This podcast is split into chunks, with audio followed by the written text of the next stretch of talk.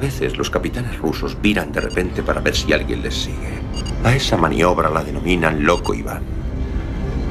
Lo único que puedes hacer es parar en seco tu nave y esperar los acontecimientos.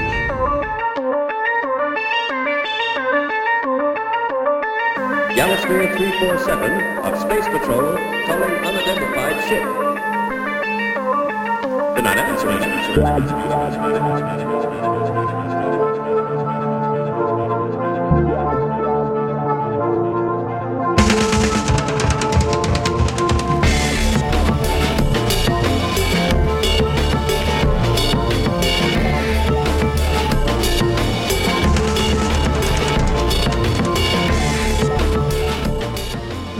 noite a todos e a todas. Prepárense para pasar unha hora repleta de aventuras a bordo do submarino nucelar máis intrépido de toda a Unión Soviética.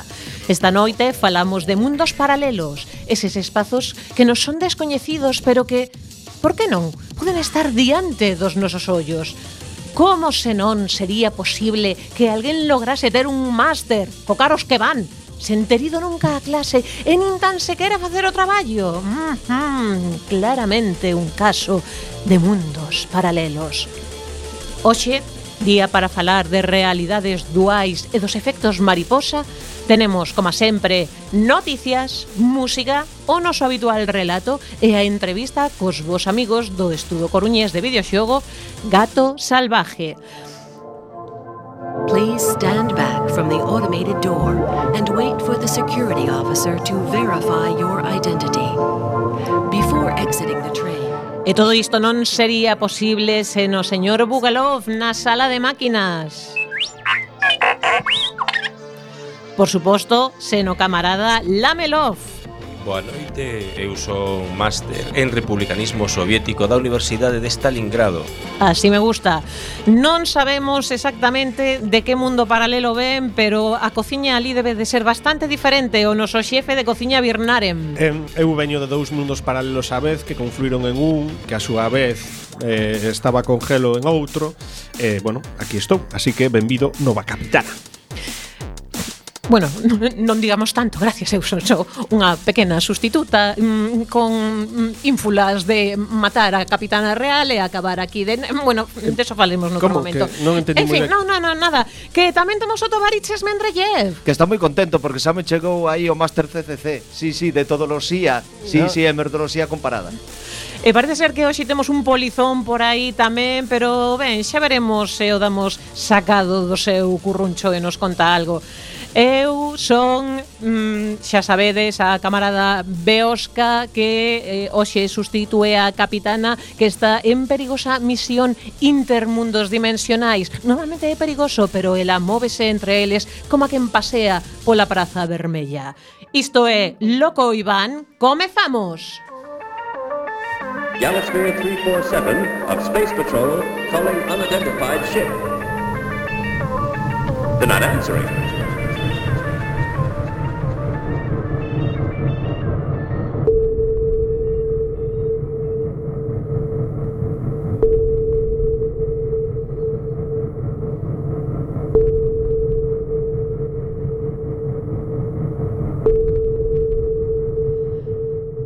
Facemos agora un repaso das noticias máis destacadas neste mundo e nos paralelos desta semana esas novas que non teñen cabida nos medios capitalistas, esas que non lle interesan os mestres das radiofórmulas, pero que todo Lenin quere escoitar na realidade. Arriba Periscopio! Periscopio!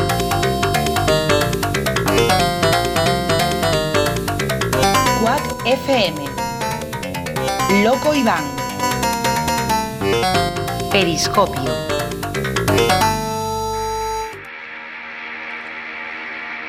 Strove of the Avatar xa está rematado. O videoxogo de rol online de Richard Garriott, o creador da saga última, acaba de deixar a fase beta e xa saiu completo ao mercado. Pode dicirse que é como a continuación do glorioso Última Online, pero con máis foco no xogo cooperativo e incluso en solitario rol de calidade onde poderás facer que a túa personaxe viva no mundo de Britania, como se realmente vivise ali. Traballar, comer, ter vivenda e, por suposto, explorar e participar en innumerables aventuras. O apartado técnico non é maravilloso, pero en contido en posibilidades ten poucos rivais. Esta venda en Steam por 40 denarios.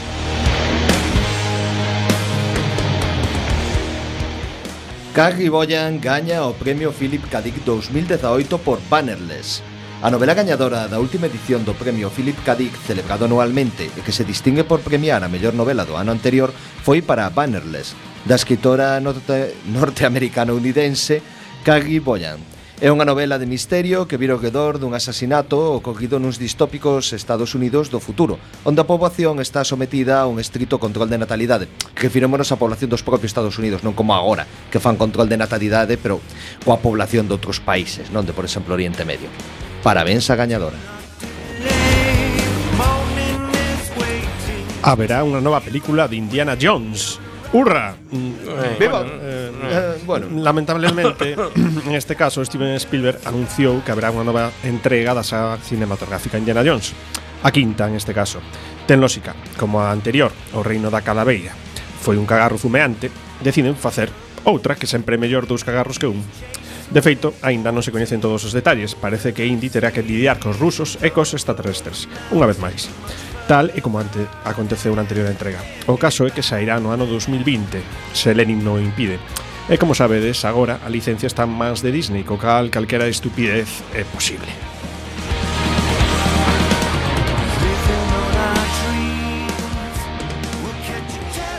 O videoxogo Os Pieres da Terra falará en ruso, digo en galego, no. e que en ruso é máis ou menos espera. o mesmo. É o mesmo. En a nova entrega do videoxogo baseado na coñecida obra de Ken Follett terá voces en galego en todas as edicións do programa.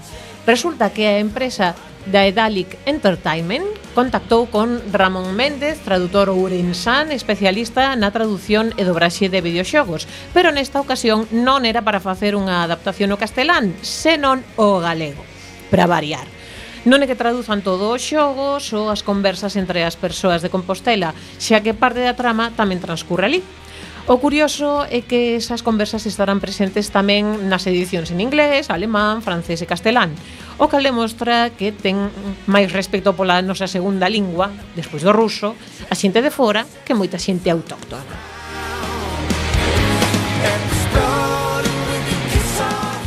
O regreso de Johnny English Seguramente coñecedes o actor Robert Atkinson polo papel de Edmund a Víbora Negra na mítica serie dos 80 e tamén pola personaxe Mr. Bean o alter ego de M. Rajoy que non sabemos quen é Pois tamén é o protagonista dunha saga de películas de espionaxe que parodia a infame saga de James Bond cun estilo máis semellante a Super Asiento 86 Contra todo pronóstico preparan a terceira parte que sairá en outono deste ano Un ataque informático deixa ao descuberto as identidades de todos os axentes secretos e John Inglis é a última esperanza dos seus colegas. O director é David Kerr e seguramente a película terá cantidad, gran cantidade de humor cuñader. Volve Ankh Morpork, no Londres, no Londres victoriano de Nanty Narkin. Act Morpork foi o primeiro xogo de mesa dunha triloxía baseada na obra do noso amado autor Terry Pratchett e publicada no ano 2011, seguido por unha segunda entrega, As Bruxas, pero o terceiro non poido publicarse, lamentablemente, pola morte de Pratchett no ano 2005. Despois, o diseñador Wallace perdeu os dereitos do mundo disco e tivo que pechar o seu estudio.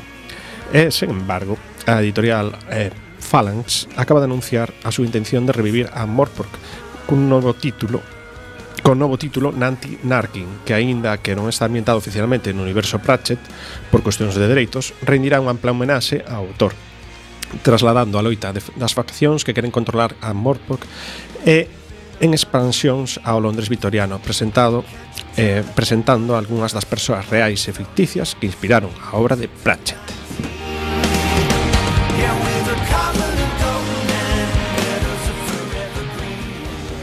Phantom Doctrine sairá este ano. Trátase dun videoxogo ambientado no ano 1983 durante a Guerra Fría que presenta unha historia alternativa na que terás que liderar a organización secreta The Cabal, creada para controlar o mundo enfrontando os líderes mundiais e as nacións entre sí. A mecánica é semellante á dun XCOM de espías. Tes unha parte estratégica e outra de combate táctico, pero orientado máis ás misións secretas, investigación, interrogatorio, roubo de documentos e cousas así. Non hai data exacta de lanzamento, pero estará disponible en GOG Steam por unha cantidade incerta de denarios.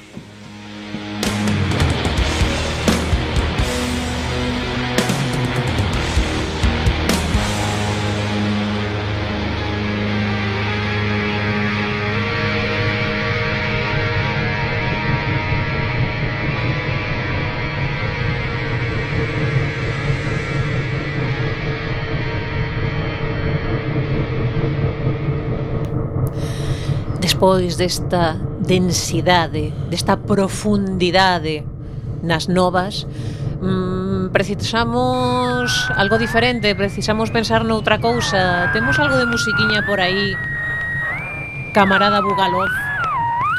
Bueno, tiñamos a radio un pouco alta, pero si algo algo temos como hoxe imos falar, íamos falar de mundos paralelos, a min me entrou a celebérrima a, o celebérrimo afán de superación soviético Non me conformei con mundos e pasei a universos paralelos.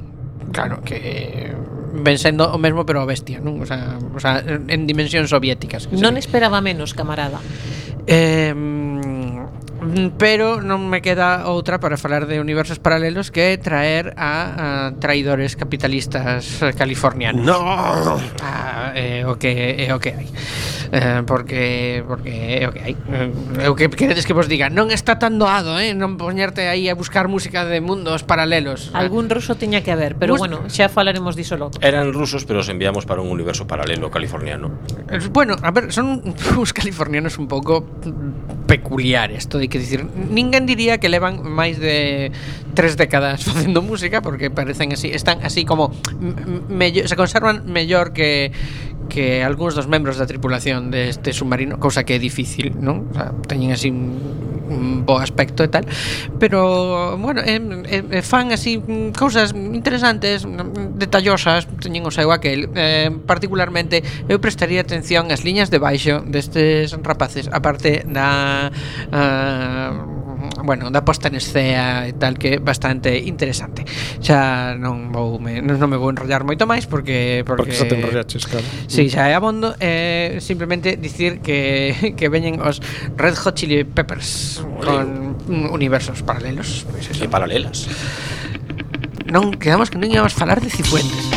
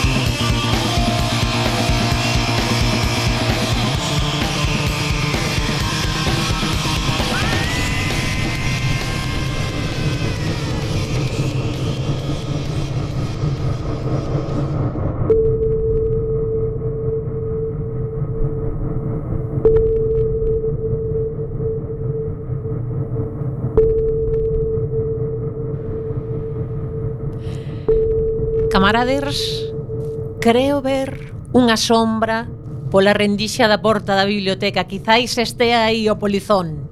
Imos ver.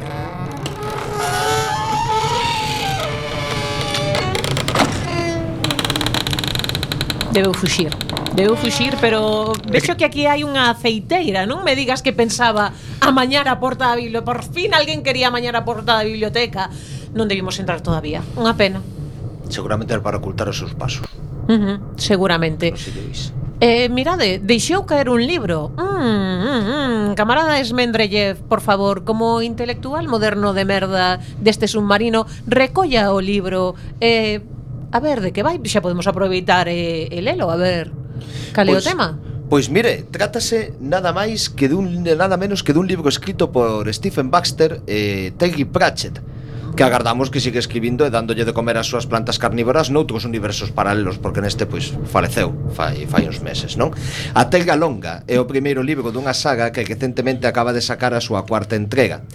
E bueno, pois eh, de que vai? Eu creo lembrar que esta novela comenzaba coa aparición en internet dos planos dunha pequena e sinxela máquina que calquera pode facer na súa casa cunha pataca e algúns componentes electrónicos, non? Uh -huh. Entón, pois, moita xente, crianzas na súa maioría, construen e usan usan o que semella ser un xoguete, pero resulta ser unha cruzadora a mundos paralelos, e a xente mola. pode mola mogollón, pode cambiar de plano. Eu apuntábame, vamos, agora mesmo. E despois deste día histórico, o día do cruce, lle chaman na novela, o caos inicial é bastante considerable. Podedes imaginar as implicacións sociais, políticas e científicas de poder pasar a outros mundos sen control ningún? Bueno, pois neste extracto trataremos de facernos unha idea.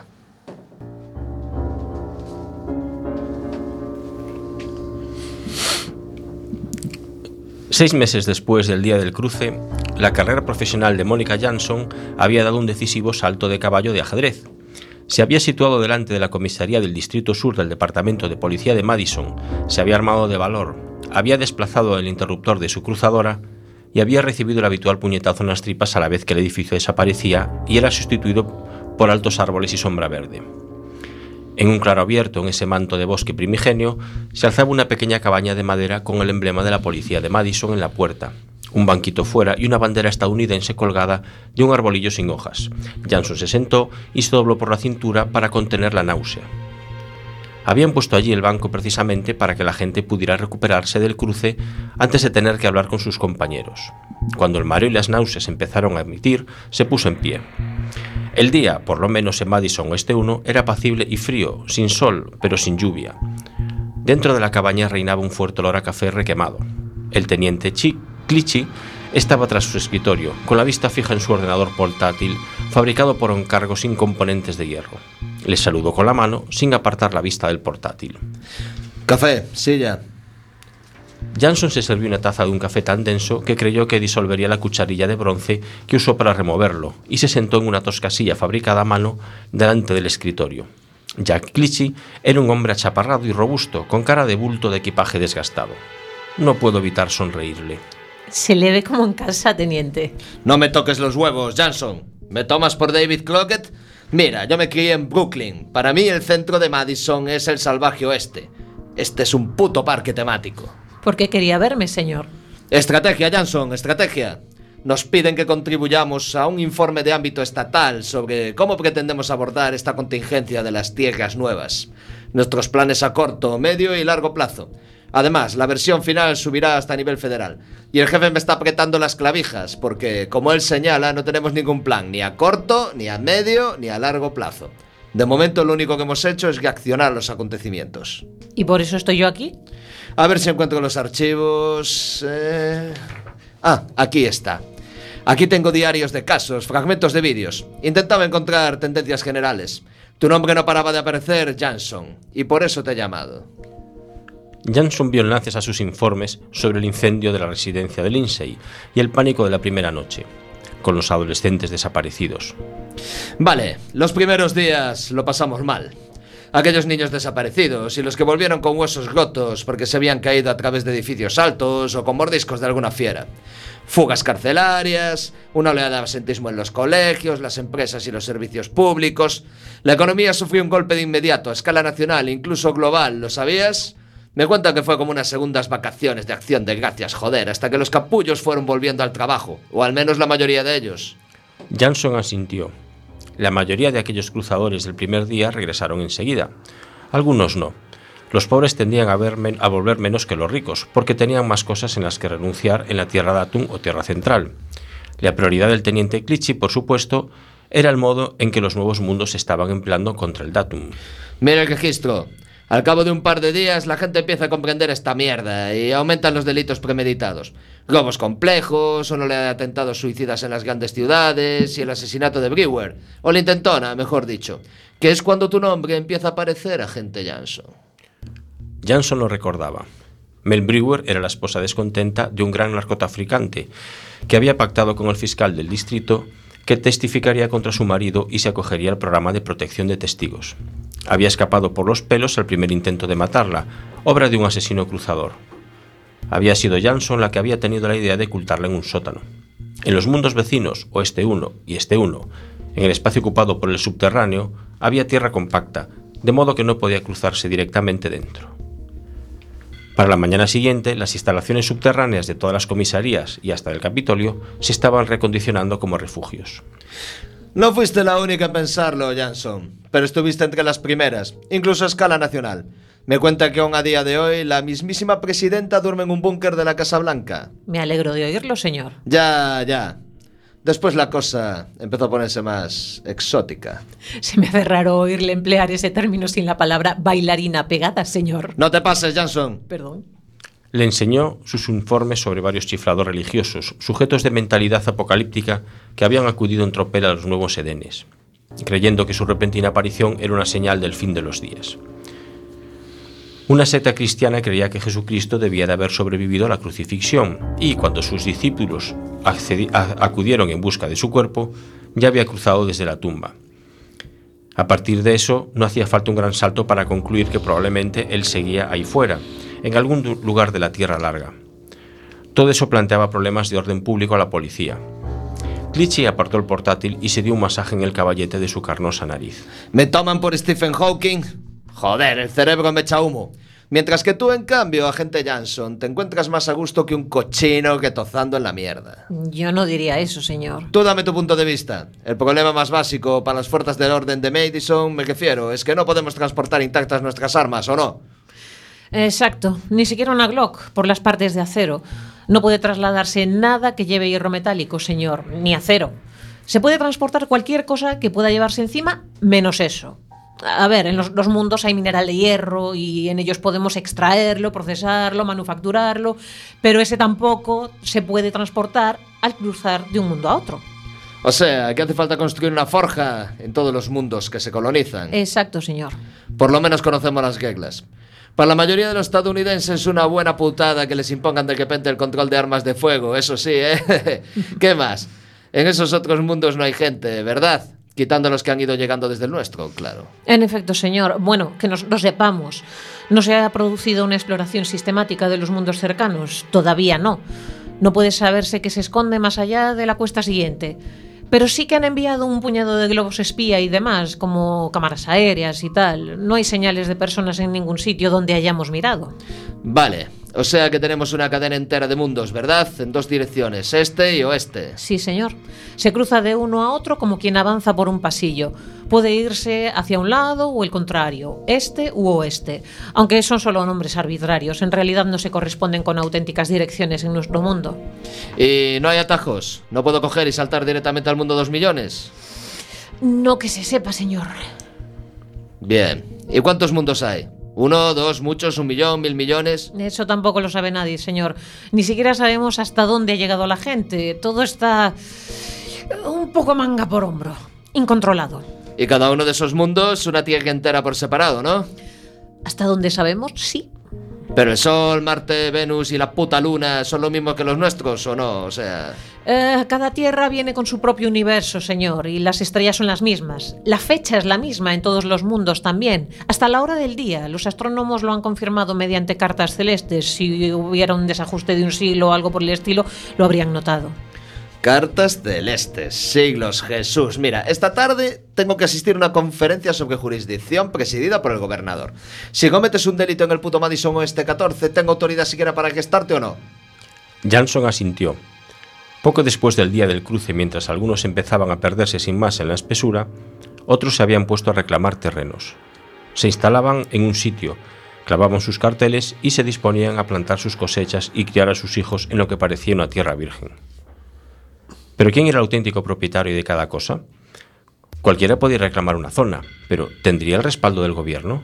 ¿Eran territorio estadounidense las Américas paralelas?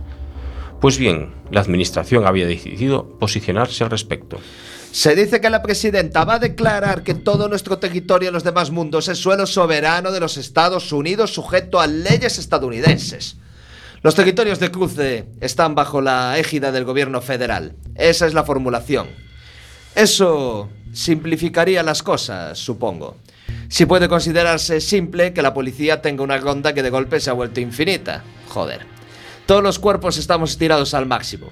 Están sacando a los militares de las zonas de guerra para devolverlos a casa, porque Seguridad Nacional no para de imaginar nuevas marenas en las que pueden colársenos los terroristas. Y entre tanto, las empresas van explorando discretamente para ver qué pueden agarrar. Menuda mierda. Ya me decía mi padre que debería haberme quedado en Brooklyn.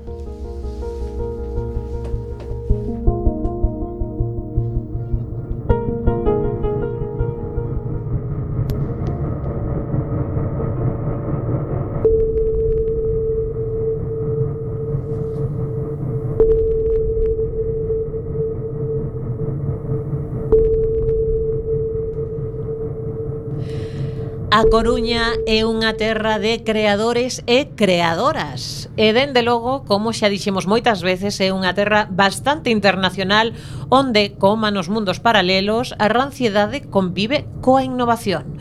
Unha boa mostra é o estudo Gato Salvaje que está a traballar para sacar adiante o videoxogo Wildlanders en 2020.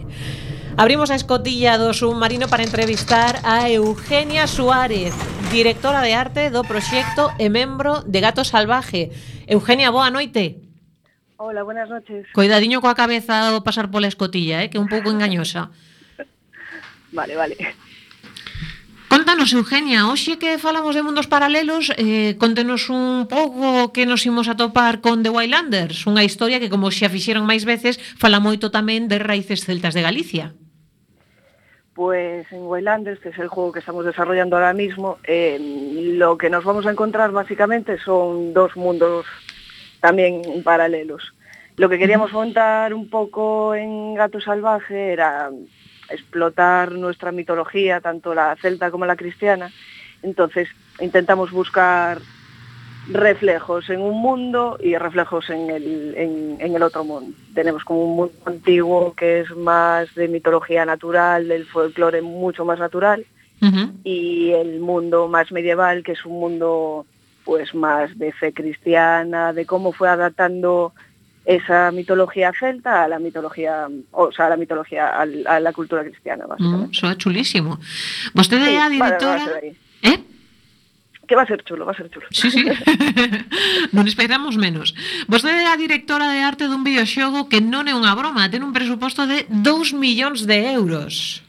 Sí, eh, es un pouco mirar por un acantilado, porque da así un pouco de vértigo, pero pero sí, tenemos, la verdad que tenemos un, un equipo detrás que está formado tan, por 38 personas, que que vienen de diferentes disciplinas, programadores, artistas, arquitectos, diseñadores gráficos y creo que somos, o sea, no, creo no, somos capaces de afrontar un juego como este, que sí que es muy grande, pero bueno, estamos bastante preparados para ello.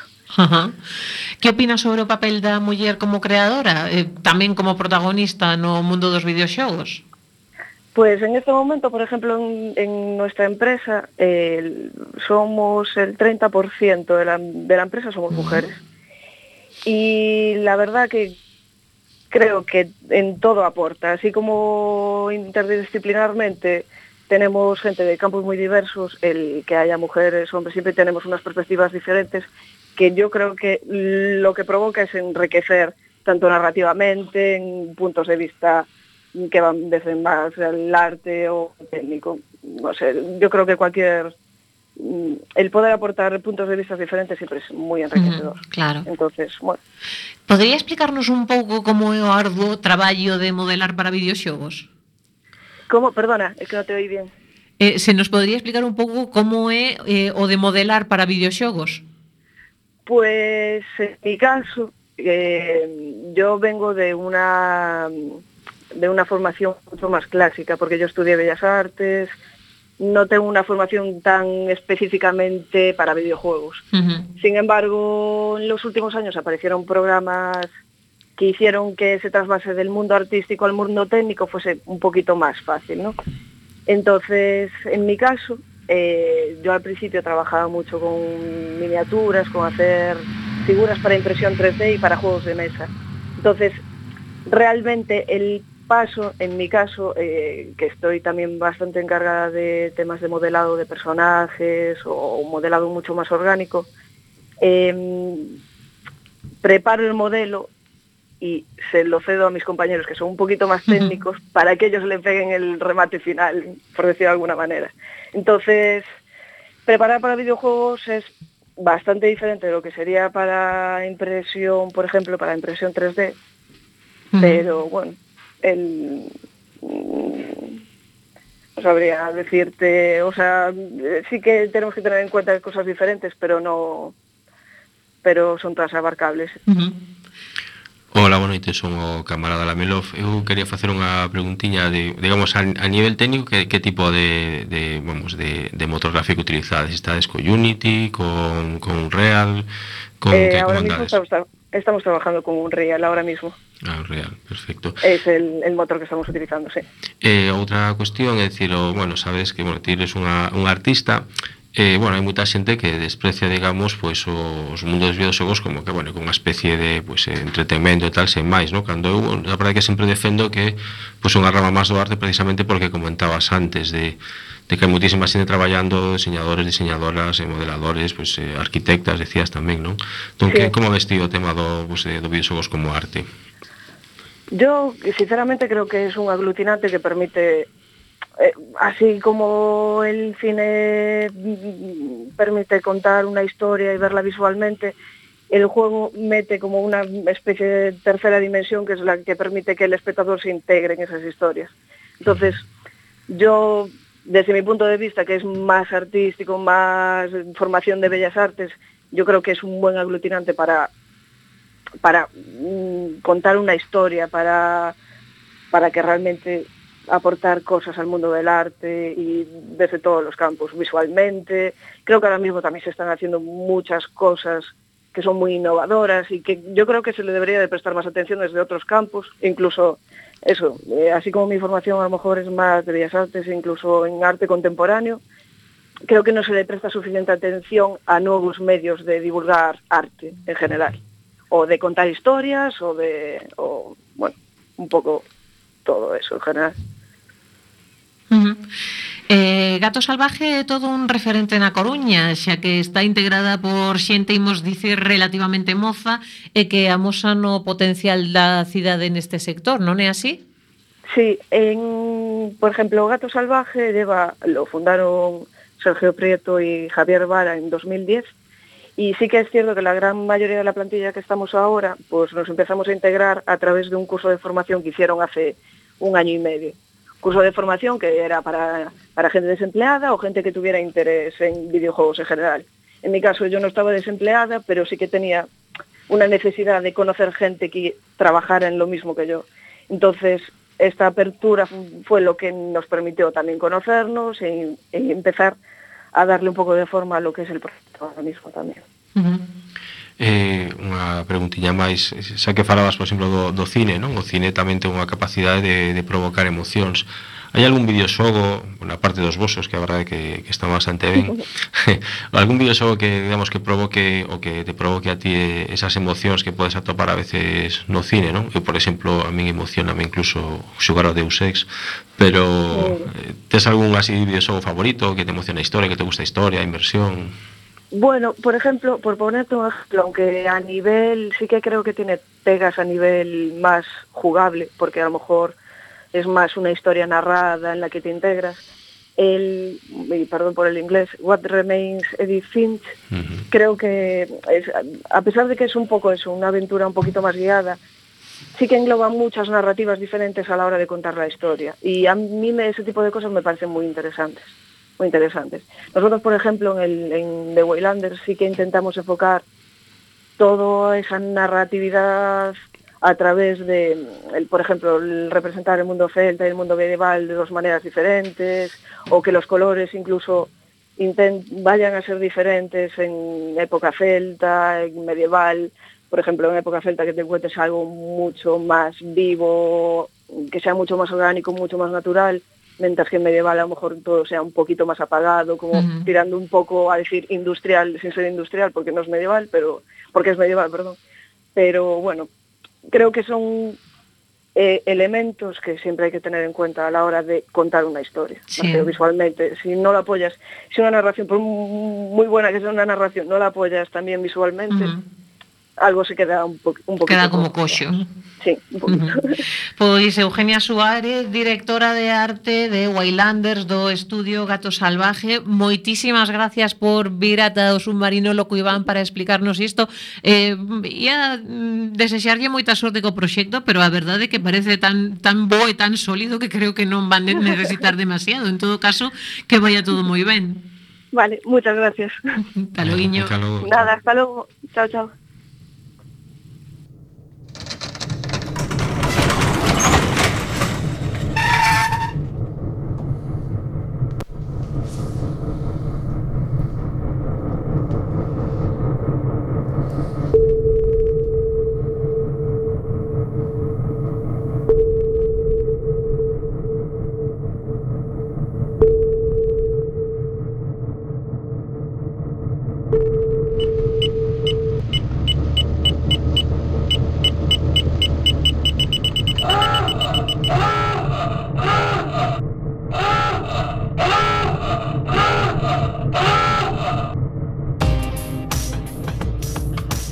volvemos a toparnos paralelo porque por unha vez na vida estamos mallando a escaleta para variar, así que imos ter unha inmersión do máis profunda, nunca mellor dito. Imos falar en profundidade dos mundos paralelos e dos universos paralelos, eh, camarada Lamelov, que nos conta? Pois, bueno, traigo algunhas cousiñas para contar, porque a verdade é que é un, un tema bastante bastante interesante, o dos mundos paralelos, ainda que hoxe ben poderíamos chamalo máster paralelos, ou lelas, non? mundos que transcorren paralelos ao noso e que, según algunhas teorías científicas, igual non é tan imposible como cremos, non? a teoría de cordas, por exemplo. Non? Uh -huh. Bueno, aquí nesta cidade temos probas da existencia de mundos paralelos, como ben sabemos, non? Pero no mundo imaginario hai cousas ben interesantes das que mola falar, non? Bueno, xa sabedes que un dos meus videoxogos favoritos é Outcast, que discurre tamén no. un mundo paralelo, sí, pero bueno, xa falamos outras veces del. E eh, tamén unha gloriosa saga roleira última da que tamén falamos outras veces, non? Pero hoxe toca falar de cousas, bueno, máis ben irrelevantes, como sempre. Ah, no me digas. No, no lo sabía. No ¿Quién- lo sabía. quién es Lori? Pues así es. No te preocupes. Cabello largo y negro, un poco zorra. Salvaje y sexy. Oh, muy extraña, muy misteriosa. Y con vestidos muy, muy apretados. Chicas, no pasa nada. Vale, Eso yo es ya no diré que nada ya más. no me incumbe. Esto, amigos míos, este líquido es mi pequeño remedio. Bien. Y es una mezcla nuestra, una mezcla muy, muy segura. ¿Se creo. inyecta? Puedes añadirlo al agua. Es un tranquilizante si estás preocupada. No sé, yo solo lo ofrezco. Es equinacia, pasiflora, algo de valeriana y ketamina. Muy natural. ¿Ketamina? o que tomo eu todas as noites para poder dormir. Sí, ketamina, vamos, un, un tranquilizante do máis, do máis común. Bueno, normalmente cando pensamos en películas de mundos paralelos aparecen grandes orzamentos, efectos especiais espectaculares e moita pirotecnia, pero non é o caso de Coherence, unha película estreada no ano 2013 dirixida polo estadounidense James Ward Birkitt, sendo esta a súa estrea como director, que vamos, non está nada mal, non? El traballará xa no cine como guionista da maravillosa película de animación, non sei se lembrades Rango, non? Non sei se a bichas que estaba francamente ben. Non a coñecedes? Me cago en... Bueno, pois tedes que vela porque é moi recomendable. O guión é o mellor da película e levou o premio ao mellor argumento no Festival de Cine Fantástico de Austin e tamén no de Sitges, gañando tamén o de mellor película director novato no Imagine Festival. Non? A película comeza Nunha festa de colegas, na casa dun deles, a cal acude eh, a ex dun deles. E o cal tensa pois, un poquinho a situación, que era esta da que estaban falando agora. Ainda así, as cousas van máis ou menos ben, que tamina mediante, pero prodúcese un apagón ao paso dun cometa e os móviles deixan de funcionar, salvo na casa de Mike. Así que fan o que nunca se debe facer, que é ir a investigar porque é o típico das películas. Para que vas a investigar co, co ben que estás ali sí. na, na festa sen andar a cero tal? Bueno, Pronto comenzan a acontecer cousas extrañas que teñen que ver cos universos paralelos e outras festas que acontecen neles. A película está inspirada na interpretación de outros mundos e saltos cuánticos nos que distintos tipos de realidade interactúan entre sí.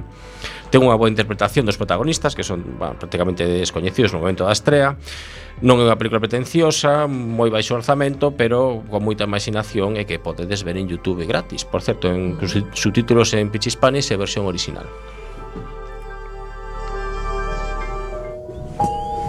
Estaba allí, inmóvil, en medio de la carretera. Así que bajé del coche. Fui hacia ella para ver si estaba bien. Y se acercó a mí y me susurró al oído. ¿Qué fue lo que te Sabe, creo que Frank quiere que vaya a hablar con ella porque la última vez que le vi me habló sobre los viajes en el tiempo y ella ha escrito un libro sobre eso. No puede ser una coincidencia, ¿verdad? Donny, ¿qué te dijo Roberta Sparrow? Me dijo que todas las criaturas de la Tierra mueren solas. Pois outra gran película trátase de Donnie Darko, que do ano 2001 é do director Richard Kelly, do que penso que foi a súa mellor película, a verdade. Protagonizada por Jay Gyllenhaal, llena malo un Drew Barrymore ou Patrick Swayze, non sei se emprades de Patrick Swayze ou de Ghost, no. eh, Dirty Dancing, bueno.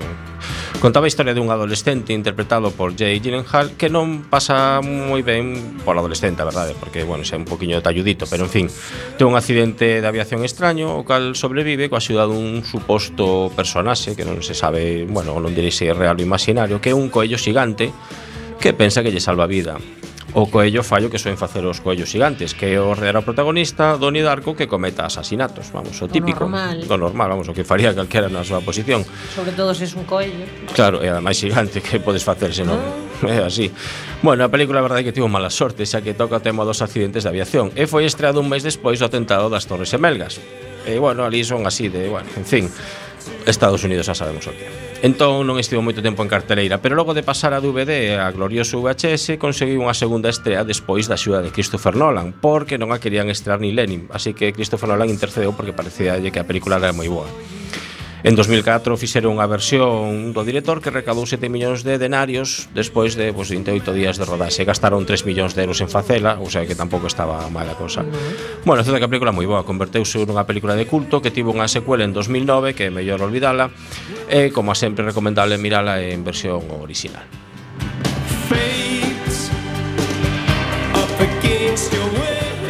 23 años. Sí, desde el principio.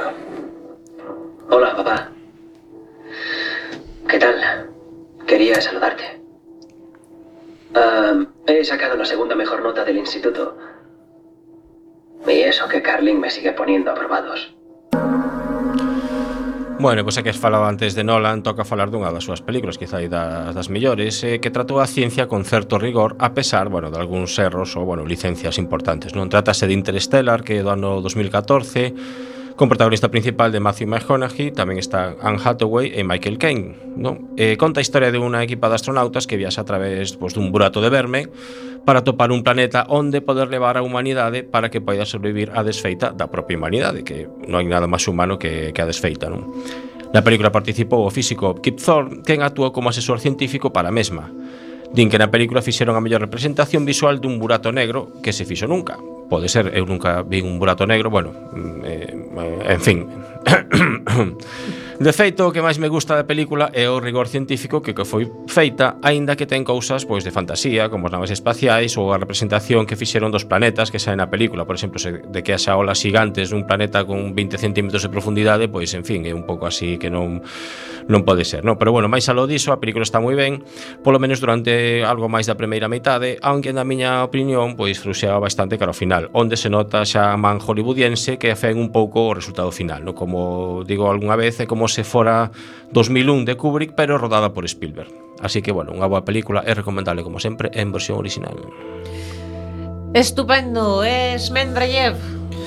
Moi ben, pois, eh, que os podo contar, non? A verdade é que o dos mundos paralelos tamén dá para moito na literatura, non? Se temos que irnos aos orixes, pois poderíamos irnos a unha novela que se chama Planilandia, que é unha novela da época victoriana, que no seu momento foi Planilandia. rompedora.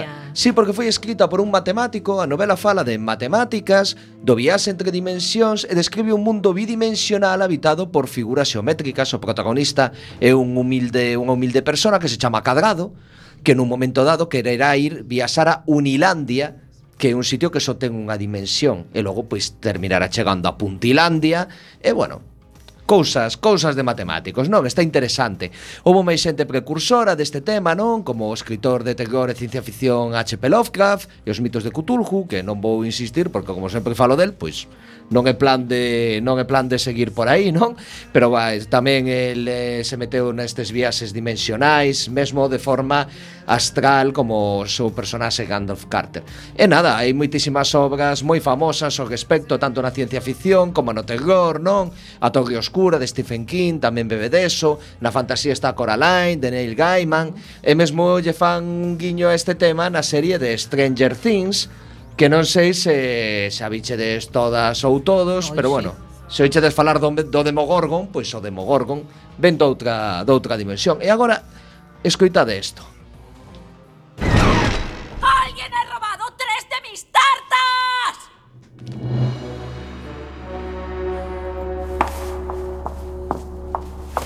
¿Has sido tú? No, Majestad.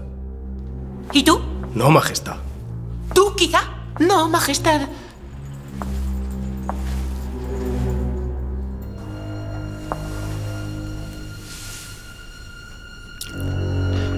Penso que algún xa está adivinando por aí. No, Majestad. Heidi. e Marco. Zumo de sicumbuesa. Tenía mucha hambre, yo no. ¡Que le corten la cabeza! Quen vai ser? Quen? Quen vai ser? A Cifuentes. gaiña Cifuentes podría ser tamén, é igual de mala. Pero esta era a Gaiña de Corazóns de Alicia no País das Maravillas, non? Eh, que, bueno, pois é unha novela que foi escrita por unha persona que era moitísimas cousas, matemático, lóxico, fotógrafo, escritor, algúns din que pederasta, esperemos que eso fose mentira, o británico Charles Ludwig Dawson vai sob o pseudónimo de Lewis Carroll, non? E bueno, pois é unha noveliña maravillosa que realmente o que trata é outro tema matemático, como falábamos de Planilandia, que como un peón se convirte en raíña de Sadrez, ese peón é Alicia, e permitiría pois eh, ter unha grande cantidade de, de estupendas eh, personaxes que agora pasaron o erario xeral de bueno, pois de da literatura e da e da conciencia colectiva, non? Como Coello Blanco, o Sombrereiro, o Gato de Cheshire, etc, etc, etc. Unha cousa curiosa é como se xestou esta novela que foi nun viaxe en barco que fixo o autor, non? Acompañado por o reverendo Robinson Duncan e tres nenas, Lorina, Charlotte, Alice e Edith, de 13 e 18 anos respectivamente. Mm. E bueno, pois polo camiño parece ser que as nenas que se aguían moito, porque era un viaxe así un pouco tostón, e lle pedían que lle contaran historias, non? E bueno, pois todo derivou en que ao final pois naceu así Alicia no País das Maravillas, cando decidiu pasar esas historias improvisadas a algo máis máis literario, non? Logo, por poñer tamén un exemplo de, de ciencia ficción, eu quería falar da, da paralase neandertal, que é unha serie de tres novelas non? Eh, que, bueno, pois basicamente está escrita por Robert Sawyer, que é o mesmo que sorprendeu o mundo no seu momento pois con Flash Forward, que é unha novela que logo inspirou unha serie, e que fala basicamente das interaccións... Non foi a ningures. Non foi, a serie non, é verdad Pero bueno, as cousas veces que pasan. Cousas que pasan, ás veces sae e ás veces non sae, non? De que vai esta este trío de novelas? Pois vai basicamente de que nos eh, fai 29.000 anos nos quedamos e se extinguir os neandertais. E a novela trata de que pasaría se contactásemos con outro mundo paralelo nos que os que a especie triunfadora fosen estes neandertais. Uh -huh. E na mente de Sawyer A novela non destaca tanto polo planteamento científico, que non é que este mal, pero bueno, non é que me destaca dela, como na crítica social que fai da nosa sociedade, non? Os neandertais, realmente, pois, eh, bueno, pois nese mundo, como teñen mellor olfato, nunca chega a haber tanta contaminación, porque eles sinten olor de mm. hidrocarburo e molestalles. Hai unha cousa que eu penso que lle gustará moito a todos que estamos aquí, pero especialmente a Birnaren e a Lamelov, que como eles conciben o uso do coche no mundo neandertal. Pois que os coches son públicos, ti chamas polo coche, hai un número moi mm. limitado, para, para emerxencias e non son un vehículo privado, pois senón algo que está a disposición, son autónomos e está a disposición de cada neandertal que quere chamar. Ata os neandertais son máis avanzados que nós. É que a novela realmente vai deso, de que son mellores que a nós, inda que teña un aspecto tosco. E para rematar, non sei se que coñeceredes este tráiler,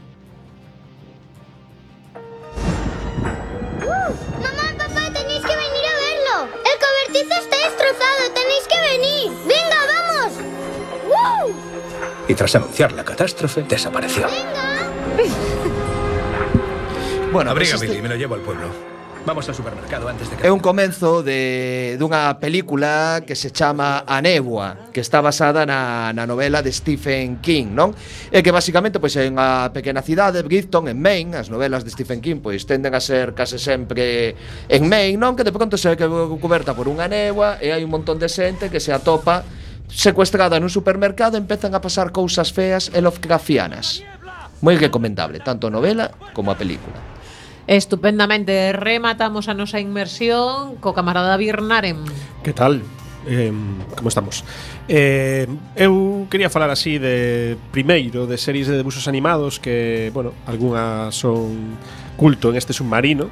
A primeira, eh, bueno, Family Guy ou Padre de, Pai de Familia, uh -huh. eh, na que hai un episodio no que pois se vai a pois a diversos universos paralelos eh, que surden, bueno, pois da man de Stewie, que non podía ser de, de outro xeito, que, que trae un cerdo modificado xenéticamente, aí que parece un que, que fixo culturismo uh -huh. e o sacou dun universo paralelo. E empezan a vagar por aí polos universos paralelos diferentes ata que chegan a un universo no que digamos que os humanos son cans e os cans son humanos. E entonces aí Brian di, isto oh, mola, mola e tal.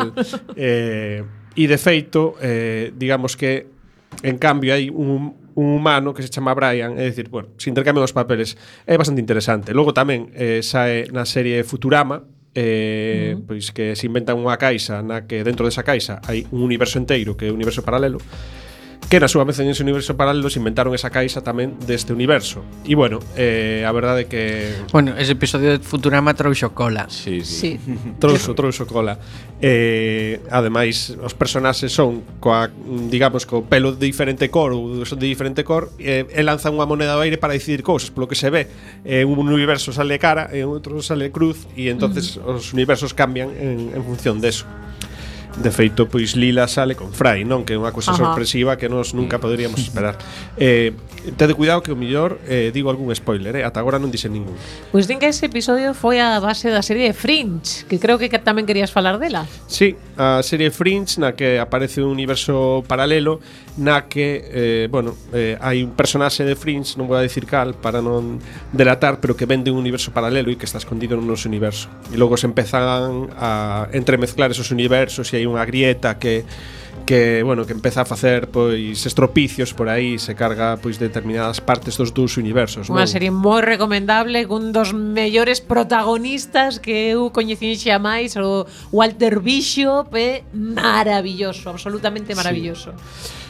Eh, logo hai unha serie bastante recomendable, unha serie actual eh, que se chama Counterpart, que, uh -huh. que fala pois de un personaxe que que é unha especie de home pois administrativo que traballa en, en unha serie de funcións aí super aburridas que pero que mm, pois acaba descubrindo que esas funcións é pois un traballo en unhas oficinas que gardan unha especie de portal ou porta que comunica con un universo paralelo e, e o sabe porque descubre o seu alter ego do outro universo este personaxe pois é moi mandado, moi gris, moi e o, o seu alter ego pois é unha un personaxe con autoridade, eh, bastante capullo, non? Por o que se di. Mm. Eh, bueno, é a serie un pouco frouxa, xa vos lo digo. Ala, contame outra cousa.